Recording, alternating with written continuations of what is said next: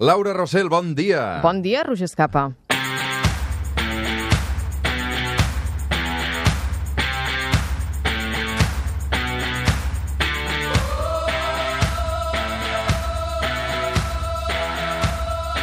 Nou capítol al suplement de l'abecedari lila de la Laura Rossell. Uh, poc ens pensàvem que, mm, després de tot el que hem viscut aquestes setmanes amb la Laura, quan arribaríem a la lletra E, es derivaria la conversa que tindrem d'aquí uns minuts avui al programa. Laura, estem d'acord? Sí, sí, sí, estem d'acord, no exageres, però tampoc farem cap spoiler encara. No, però un moment. A veure. Has, o sigui, avancem que has vingut acompanyada Sí. d'un personatge. Sí. No revelarem encara la No identitat. encara. Una tret distintiu.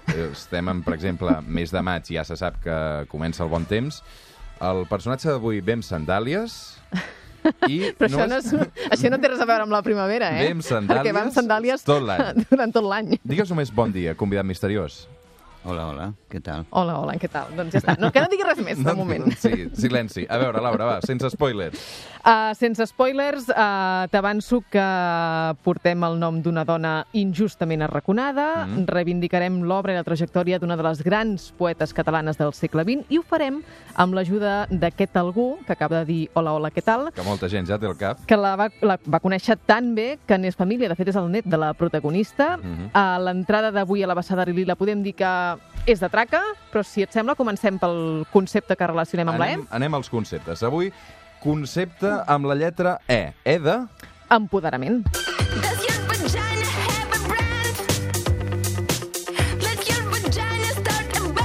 Aquestes que sonen són les amigues de Putin, no? Les Pussy Riot, o Passy Riot, no Sí. sé com es deuen pronunciar. Uh, som, de fet, les tenia uh, previstes per la P de l'abecedari, però mira, avui m'ha vingut molt bé parlar-ne. Reivindiquen uh, la vagina. A veure, has dit empoderament, Sí. empoderament. Sí, uh, més d'un lingüista pot ser que hagi tingut un atac de nervis ara mateix, d'altres potser m'estan esperant a la porta quan surti. A tots ells els demano clemència, perquè resulta que en català empoderar i empoderament són incorrectes. El DIEC no recull aquest terme, de fet és una adaptació de l'anglès empowerment. Si aneu a l'Optimot veureu que la forma correcta és apoderar i apoderament. Mm. Però, com passa sovint, aquesta expressió ha entrat amb tanta força en els últims anys que ja, ja és considerat un neologisme i l'és a dir ja recomana fer servir empoderament en alguns casos concrets per davant del genuí apoderament. Déu-n'hi-do l'estona que hem dedicat a poder dir empoderament, eh? Vull dir, això és perquè a Twitter els lingüistes no ens acribillin abans d'hora. Que tot i així ho faran, no passa res. Però l'és a dir ens autoritza a parlar d'empoderament quan fem referència al procés que porta els individus o els grups socials allunyats de la presa de, de decisions, és a dir, marginats, adquirir els recursos per tenir més força social, política o econòmica. I això és precisament el que hem fet i estem fent les dones. De mica en mica estem accedint als mitjans materials i simbòlics que ens permeten enfortir-nos com a col·lectiu, guanyar protagonisme, reforçar les nostres capacitats, accedir a espais d'on abans estàvem apartades. L'empoderament és un procés, d'una banda, individual, perquè la dona agafa les regnes de la seva vida, els seus diners, la seva autonomia, s'allibera del control patriarcal, primer del pare, després del marit i en acabat si en té del fill, i és sobretot també un procés col·lectiu, perquè les dones sortim de l'ombra, deixem d'ocupar una posició subordinada en l'esquema patriarcal, ens rebel·lem contra aquesta estructura clàssica que situa l'home, com hem explicat ja en aquest abecedari, eh, per damunt de totes les coses. Doncs primer concepte de la Basada Lila, avui empoderament amb la lletra E. Amb més pistes del convidat misteriós que de seguida saludarem, porta sandàlies i llegeix La Vanguardia. Sempre que ve, llegeix La Vanguardia. És del diari de capçalera, eh, estimat eh, convidat misteriós? Sí, és el, és el meu mm, diari preferit per una única raó, Ahà. i és... mm, M'agrada el crucigrama d'en Fortuny. Del Fortuny. Pau Riba, benvingut al suplement. Bon dia, Pau. Com Bon estàs, dia. Pau? Benvingut. Bueno, estic bé, estic bé. Estic eh, celebrant aquesta primavera que ens, la sang ens altera. Eh? Saps que vens en representació de la lletra E del nostre abecedari? Això estic sentint, però no sé ben bé què vol dir, No- no... perquè que jo... Eh? Eh? Què?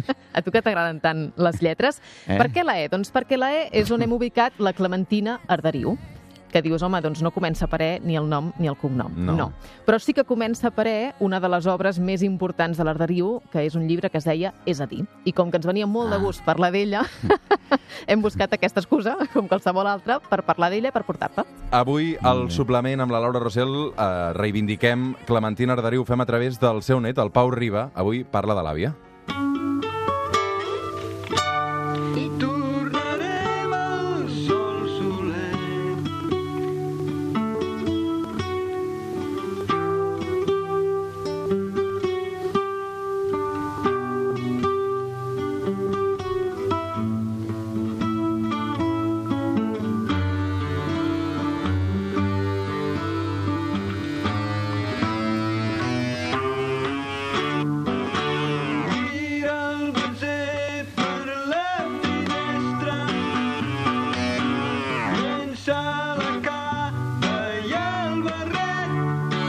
Passat una cosa, és que nosaltres havíem preparat un guió, però és que el Pau se'ns ha presentat avui diumenge a l'estudi, porta un pendrive i aquí hi ha una cançó inèdita, no? Pau, això que sona què és?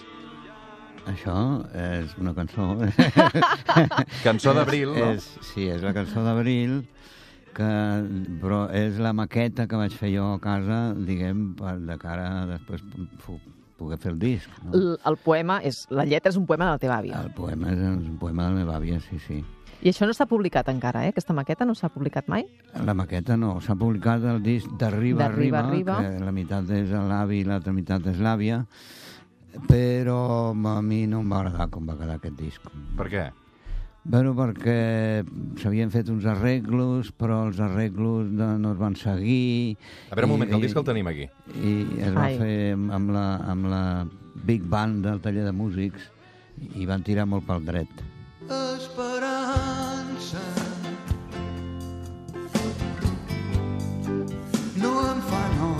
nosa m'ha dit sempre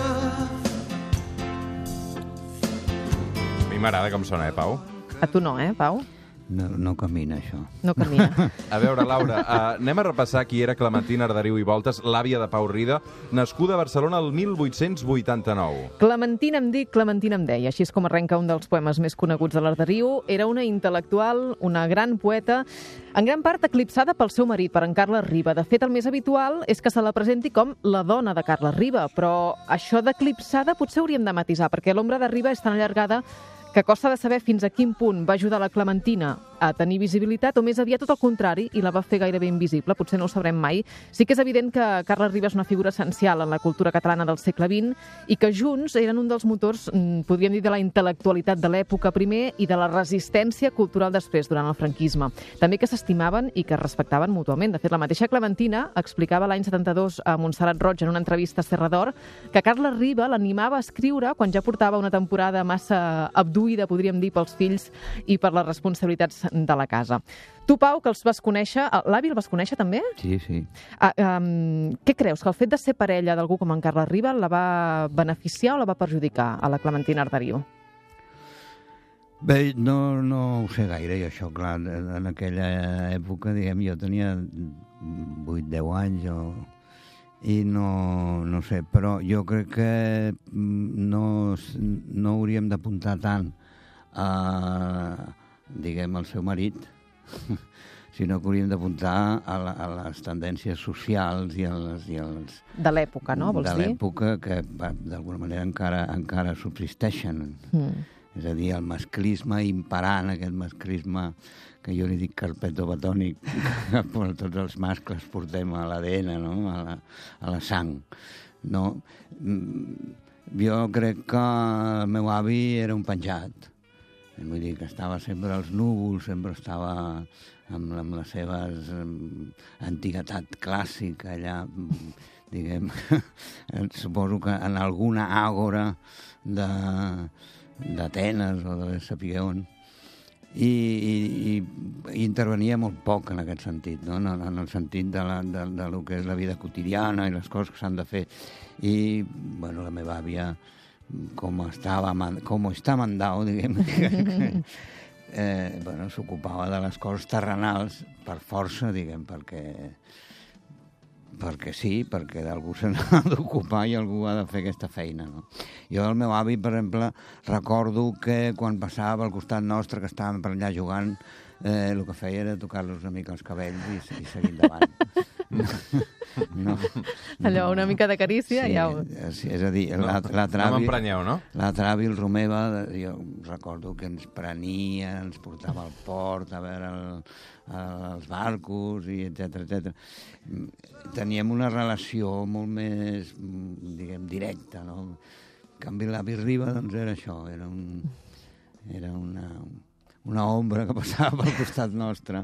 Ara Expliquem- això sí, ressonava molt el seu nom, Clar. ressonava molt. Venia de família d'argenters, no? Ella, sí, la Clementina. Els seus pares eren argenters. Uh, ella va néixer a Barcelona i va poder tenir accés a la, a la formació, a la cultura. Va estudiar francès, va estudiar música, li agradava molt llegir i també va aprendre l'ofici familiar, que era el d'argentera. Com es van conèixer amb el Carles Riba? Doncs en un concurs literari, en uns Jocs Florals, que ella va guanyar i, res, poc temps després es casaven. Un matrimoni que no acabava de fer el pes a cap de les dues famílies. Famílies. Per què? Els Arderiu perquè confiaven casar la filla amb un argenter que donés continuïtat al negoci. I el Riba perquè resulta que la Clementina era 4 anys més gran que en Carles. I a més, en Carles estava estudiant dret. I Això a l'època no agradava tant, no? Sembla que no, no acaba d'agradar. Uh, però bé, ells van passar olímpicament de la mosca al nas dels pares, es van casar, es van comprar un pis a Sant Gervasi, que a la Barcelona de l'època era com als afores de la ciutat gairebé. Ella té molta energia ja en aquell moment com a poeta i en el primer any de casada ja publica el primer llibre, que es diu Cançons i elegies. Són un matrimoni, abans ho dèiem, molt, uh, intel·lectualment molt potent, amb un gran bagatge cultural, també molt inquiets. Durant els primers anys no paren quiets ni un minut, tenen la base d'operacions al pis a Barcelona, però viatgen a Mallorca, a Itàlia, a Alemanya, a França, a Grècia, i passen llargues temporades, entren en contacte amb els catalans que hi viuen, també amb els escriptors i amb els poetes autòctons, i es van impregnant de la cultura de l'època. Tenen quatre fills i segur que ningú se sorprendrà si dic que a mesura que arriben els fills el ritme de publicacions de la Clementina ressenteix. Mhm. La vida de la Clementina, si l'hem de resumir d'alguna manera, i si el Pau no em diu el contrari, estaria marcada per la poesia, per l'amor i per l'exili. Què et sembla, Pau? Bueno, em semblen tres elements importants. No sé si exactament per aquest ordre, però en tot cas sí que són els tres eixos que marquen la seva biografia. La poesia, sens dubte, és la gran passió que mou la Clementina. Podem llegir alguna cosa? Per exemple, el meu, el meu cant. El meu cant, sí, és, és un dels poemes, el coneixes, el meu cant? No, no el coneixia. No. Però... Tu, Pau, el recordes? És un que... Jo crec que està parlant de, del, del que significa per ell escriure, de com s'ho fa per escriure, eh, Mm. portant, com deies tu, eh, les coses de, de la vida, no? de la casa, els fills... Quan troba moments ella per escriure? Doncs quan està tot fet. Ja té el, els fills a dormir, la casa recollida, de llavors es tanca i és quan aconsegueix escriure. Uh, vols, vols que llegim el Vinga, poema? va, sí. vinga, va. No sé llegir poesia, jo. No, Tu però- saps llegir poesia, Oh, a Pau? veure, li podem fer llegir el Pau, Sí. eh? El tenim aquí. Va, vinga, Pau, va, fes-ho tu, que ho faràs millor. El meu cant, diu. Diu, de no cantar jo m'entristia. Per mi és el cant tal com el pa de cada dia. És un parany. Una ferida cada cançó s'emporta un tany de mà florida. Però què hi fa? Quin mal hi hauria? Jo, del meu cant, en vull ornar tota ma via. Porta secreta fora el pit. Som al suplement, som a Catalunya Ràdio, acompanyats de la Laura Rossell, i avui amb el Pau Riba, reivindicant, recordant la seva àvia, la Clementina Arderiu. Ara la Laura ens explicava, clar, quan va començar a tenir fills, fins i tot van, eh, van ser fins a quatre, amb la seva obra literària, evidentment, es va veure marmada perquè tot era incompatible, no, Laura? Sí, de fet, durant molt de temps s'havia pensat que Arderiu era el prototip de dona de casa seva, que complia amb tots els estereotips de la feminitat, i això Maria Mercè Marçal, que la va estudiar, ho desmunta perquè diu que qui pensi això d'Arderiu és que no la coneix. La seva és una poesia d'aparença senzilla i amable, però de fons convuls. En els poemes, eh, Clementina parla de sentiments, de la vida quotidiana, també d'algunes manies personals, però alhora també està fent el retrat d'una inquietud i d'un punt d'inconformisme. Um, de fet, tota l'obra, com tota la vida de Clementina Arderiu, és una tensió constant entre la tradició i allò que toca per l'època i la passió o la rebel·lia que suposa escriure poemes. Un contrast entre la dona de casa i la nena esbojarrada que queda molt ben resumit en un poema que tenim recitat per ella mateixa amb aquesta gravació. Ara, ara que ja de tanta cosa torno, no em pregunteu, que no sabria dir-vos per quina brida m'he sentit lligada. El cor encara vol tornar a gronxar-se desbocat a les barques de la fira. I dic que sí, que en mi tot clama d'esma cap a aquella petita esbojarrada.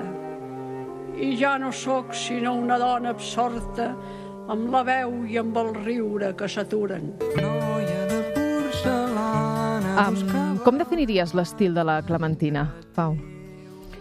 Bé, jo crec que és un estil bastant popular, bastant seguint doncs, l'estil de, de versificació de, de la cançó popular. Eh, De fet, eh, hi ha un munt de poemes seus que es titulen Cançó de o Cançó del que sigui, no? I, i molt directe, molt senzill, i, en fi, no, no, no sé què més dir ara mateix. Tu d'ella què recordes? Eh? Com, a, com, a, com a àvia teva, que, quin record et queda de la Clementina, tu, Pau? Bé, jo... Eh, bàsicament recordo els arrossos que feia els diumenges quan anàvem a veure. Això ho has heredat, tu, potser. I- també, no? Sí, i me recordo molt de, de la distribució de la cuina i el- i l'olor que feia la cuina i un gust molt especial que tenia aquell arròs que no l'he retrobat mai més. No? Com era, com era aquell arròs de peix? No, no, era... Era una mena, de, mena de paella, però no, no era paella. Era, Era un arròs així, un cuinat. arròs. Sí, era un arròs sec, diguem, eh? un arròs mm. Mm. sec i fet. No? Eh, i, I, bueno, passa que, clar, tot això són records de quan, quan jo era molt infant. Després, quan ella, quan es va quedar vídua i tal, jo, mm, bueno, venia molt per, per, anava, anava molt per casa dels pares a, a veure'ls i tal, i, i jo era en els anys que estava a Formentera, és a dir, que aquest, tota aquesta, aqu- aquesta part no la vaig viure i em sembla molt que devia morir mentre jo era a Formentera. No recordo el, el... No recordes el moment de la seva mort? No. No ho sé, no, no, no, no el recordo. Uh, mirant... De totes maneres, hi ha, hi ha moltes coses eh, que no recordo. So, sobretot a l'època de Formentera, és una època una mica borrosa de l'època Pau Riba, no, potser? Sí. Ja. Um, Laura, uh, parlant, repassant l'obra, uh, va una mica més enllà també de- d'un simple retrat costumista, no? Sí, també el fet és que, com és una dona, la seva obra durant molts anys ha estat oblidada, ha estat arraconada i ha costat molt trobar els llibres de l'Arderiu. Important saber que l'any 58 guanyà un premi molt important, l'Ossa Menor, pel llibre És a dir, que després l'any 69 va aplaudir una de les obres més aplaudides, l'Esperança encara. Al 73 ja surt un primer recull de poemes, molt important, obra poètica de Clementina Arderiu, i més tard es publica un volum antològic a càrrec de Maria Mercè Marçal, que és capdalt per eh, recuperar la figura d'Arderiu, que es diu Contracor. Deies tres pilars, hem fet el primer la poesia, falten l'amor i falten l'exili. Per on anem ara? Anem a l'amor, Carla Riba. Lei non parla mai,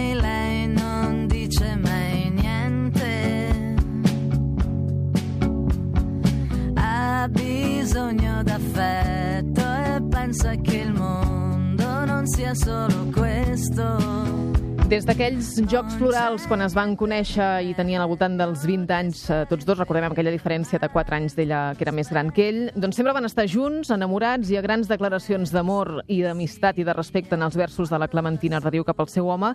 Si podeu, recomano que recupereu com en parlava la Sílvia Soler a l'Estat de Gràcia, al gener del 2018, ho trobareu penjat a la web. La Sílvia explicava aquesta història d'amor entre el Riba i l'Arderiu, un enamorament que va durar tota la vida fins que el poeta va morir l'any 59. I a partir d'aquell moment ella es va retirar de la vida pública, podríem dir que, que es va pagar, almenys en l'esfera pública, insisteixo, i es va, dedicar, es va dedicar, entre altres coses, a recopilar i endreçar l'obra de Carla Riba. Però jo no sé, Pau, si en, en aquest cas, com en tants altres, una cosa és la història que s'ha explicat i una altra cosa és el que va passar en realitat. Tu, que ets de la família, et consta que s'estimessin tant, que fos una parella d'enamorats gairebé perfecta, com, com s'ha escrit, o, o potser no tant? Això és una cosa que jo crec que un, un xavalet de 8 o 10 anys no, no ho aprecia. no ho pot detectar. No, se n'adona, vull dir... Home, la, diguem, jo, jo crec que en aquestes edats dones per suposat que les parelles pares, avis, qui sigui, s'estimen. Quan si són parelles s'estimen i no, no, no t'ho planteges, encara no estàs en aquesta tessitura, diguem. Mm. Ah, jo, bueno, jo, clar, de bones a primeres diria que sí, però Mm. hi ha, per exemple, un detall, i és que eh, això ho he pogut comprovar de gran, els seus llits eren separats. Què dius ara? Vivien, bé, bé, en la mateixa habitació, però dos llits Però a vegades això individuals. és per comoditat, hi ha moltes parelles també. A veure, a veure, Roger, Es- escapa. escolta'm, Sí, vull dir No, sí. hi ha moltes No, parelles bueno, que per comoditat dormen en llits separats, inclús en habitacions però separades. No sé, ja que em feu la pregunta... Conec casos, conec casos. Tu has dormit mai en habitacions separades en parelles, Pau? Tu ets més de juntar Mm, mm, Bueno, eh, amb lliteres. todo, todo revuelto. Tot revuelta. Molt bé. Escolta'm, ens queda la part més dolorosa, Laura, l'exili. Sí, el 1939, quan ja és evident que el bàndol nacional ha guanyat la Guerra Civil i que, per tant, Franco s'imposarà a la família Riverderiu, ha de marxar a Catalunya. És un capítol fosc de la vida de la Clementina perquè ho deixen tot enrere i creuen el país i la frontera a peu, com fan milers d'exiliats catalans més. Una curiositat és que en el periple que van viure per fugir de Catalunya van coincidir amb, amb Antonio Machado i van fer plegats en el mateix cotxe un, un tram del trajecte. Es van instal·lar a França durant quatre anys. Eh, és una etapa força dura per ells perquè han de canviar de casa diverses vegades, no tenen feina ni ingressos estables i passen dificultats evidents. L'any 43 tornen a Catalunya, creuant de nou a peu la frontera i aquí, un cop a Barcelona, les coses no pinten gaire millor. Eh, és ple franquisme, per tant, viuen una mena d'exili interior. El fet de ser Barcelona sí que els permet una cosa, però, i és reprendre la xarxa de contactes amb altres intel·lectuals catalans. Casa seva, que és un pis de l'Avinguda República Argentina, es converteix també en el punt de trobada d'escriptors, de poetes i d'artistes de l'època que resisteixen, són la resistència cultural contra el franquisme i que sobreviuen sota aquella repressió. Finalment va morir el 1976, la Clementina Arderiu. Uh, Pau, has portat... Uh, què és això que has portat? Uh, perquè a banda de la cançó que ens has És- dedicat... És l'estampeta Uh -huh. de la meva primera comunió. I què hi ha darrere? Que darrere hi ha un, un petit poema de la Clementina Arderiu. Ens el llegeixes? de- Dedicada al, al, al seu net i fillol. Era la teva padrina, Era àvia la, i me- padrina. Era la meva àvia i padrina, sí. A veure, en blanc. Endavant, endavant. Ah, que, que, que Sí, home, et farem llegir. Diu, ara sí que podré dir, oh pròxima meravella, senyor, us el torno a oferir, l'hem polit com una estrella.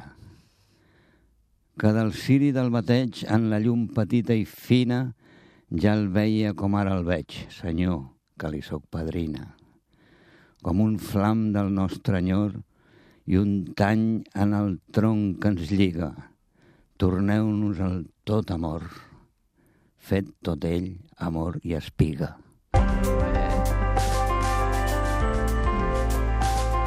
Avui, amb el Pau Riba, hem recordat la figura de la seva àvia, de la seva padrina, eh, en aquest cas eh, ho hem fet al suplement amb la Laura Rossell, però és que ara qui sona amb la lletra E eh, és eh, aquesta artistessa que és la Clara Peia, és aquest piano. Sí. Fantàstic, eh?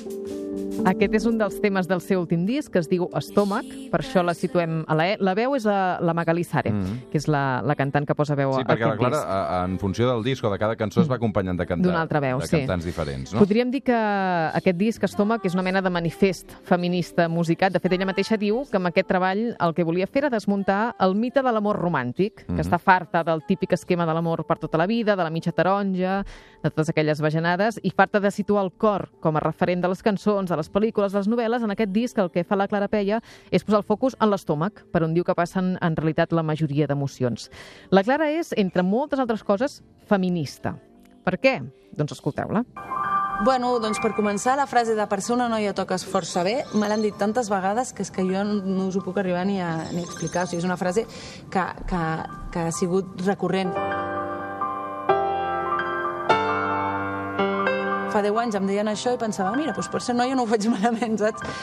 No, també em passa una cosa, no? Tu pensa, jo me'n vaig estudiar a un conservatori i de cop començo a tocar només obres d'homes. I penso, les dones poden ser pianistes perquè només estic treballant obres d'homes, només estic veient que, que, que, que, que un home pot tocar el piano i les dones podem composar, les dones podem tenir la nostra veu. Jo puc ser Aquesta és pianista. la Clara Peia, que a més a més, a Laura, li van donar fa molt poc el Premi Nacional de Cultura. Sí, és una de les artistes més potents i fins i tot diria que addictives que tenim, perquè jo des que la conec que no puc deixar d'escoltar-la i de seguir-la, una de les facetes de la Clara és la de compositora, però té un talent i una creativitat que la desborden, que, que surt a raig. Podríem dir que la Clara és salvatge. Uh, Veure-la en acció uh, davant del piano és, és gairebé hipnòtic, és com si toqués el piano amb tot el cos, com si tota ella es fusionés amb l'instrument. Té una activitat, a més a més, frenètica, perquè a més dels discos i dels concerts com a Clara Peia, pianista, té una companyia, Les Impossibles, com amb la coreògrafa Ariadna Peia, elles són germanes, i són autores de dues de les obres més punyents de l'escena catalana de les últimes temporades. Una és AUC, sobre la violència masclista, i una altra és Sweet Talk número 6, que es va poder veure al febrer a la Sala Beckett, sobre les malalties mentals. Si encara no la coneixeu, Clara Peia i el seu disc Estómac i tot el que fa, ja trigueu.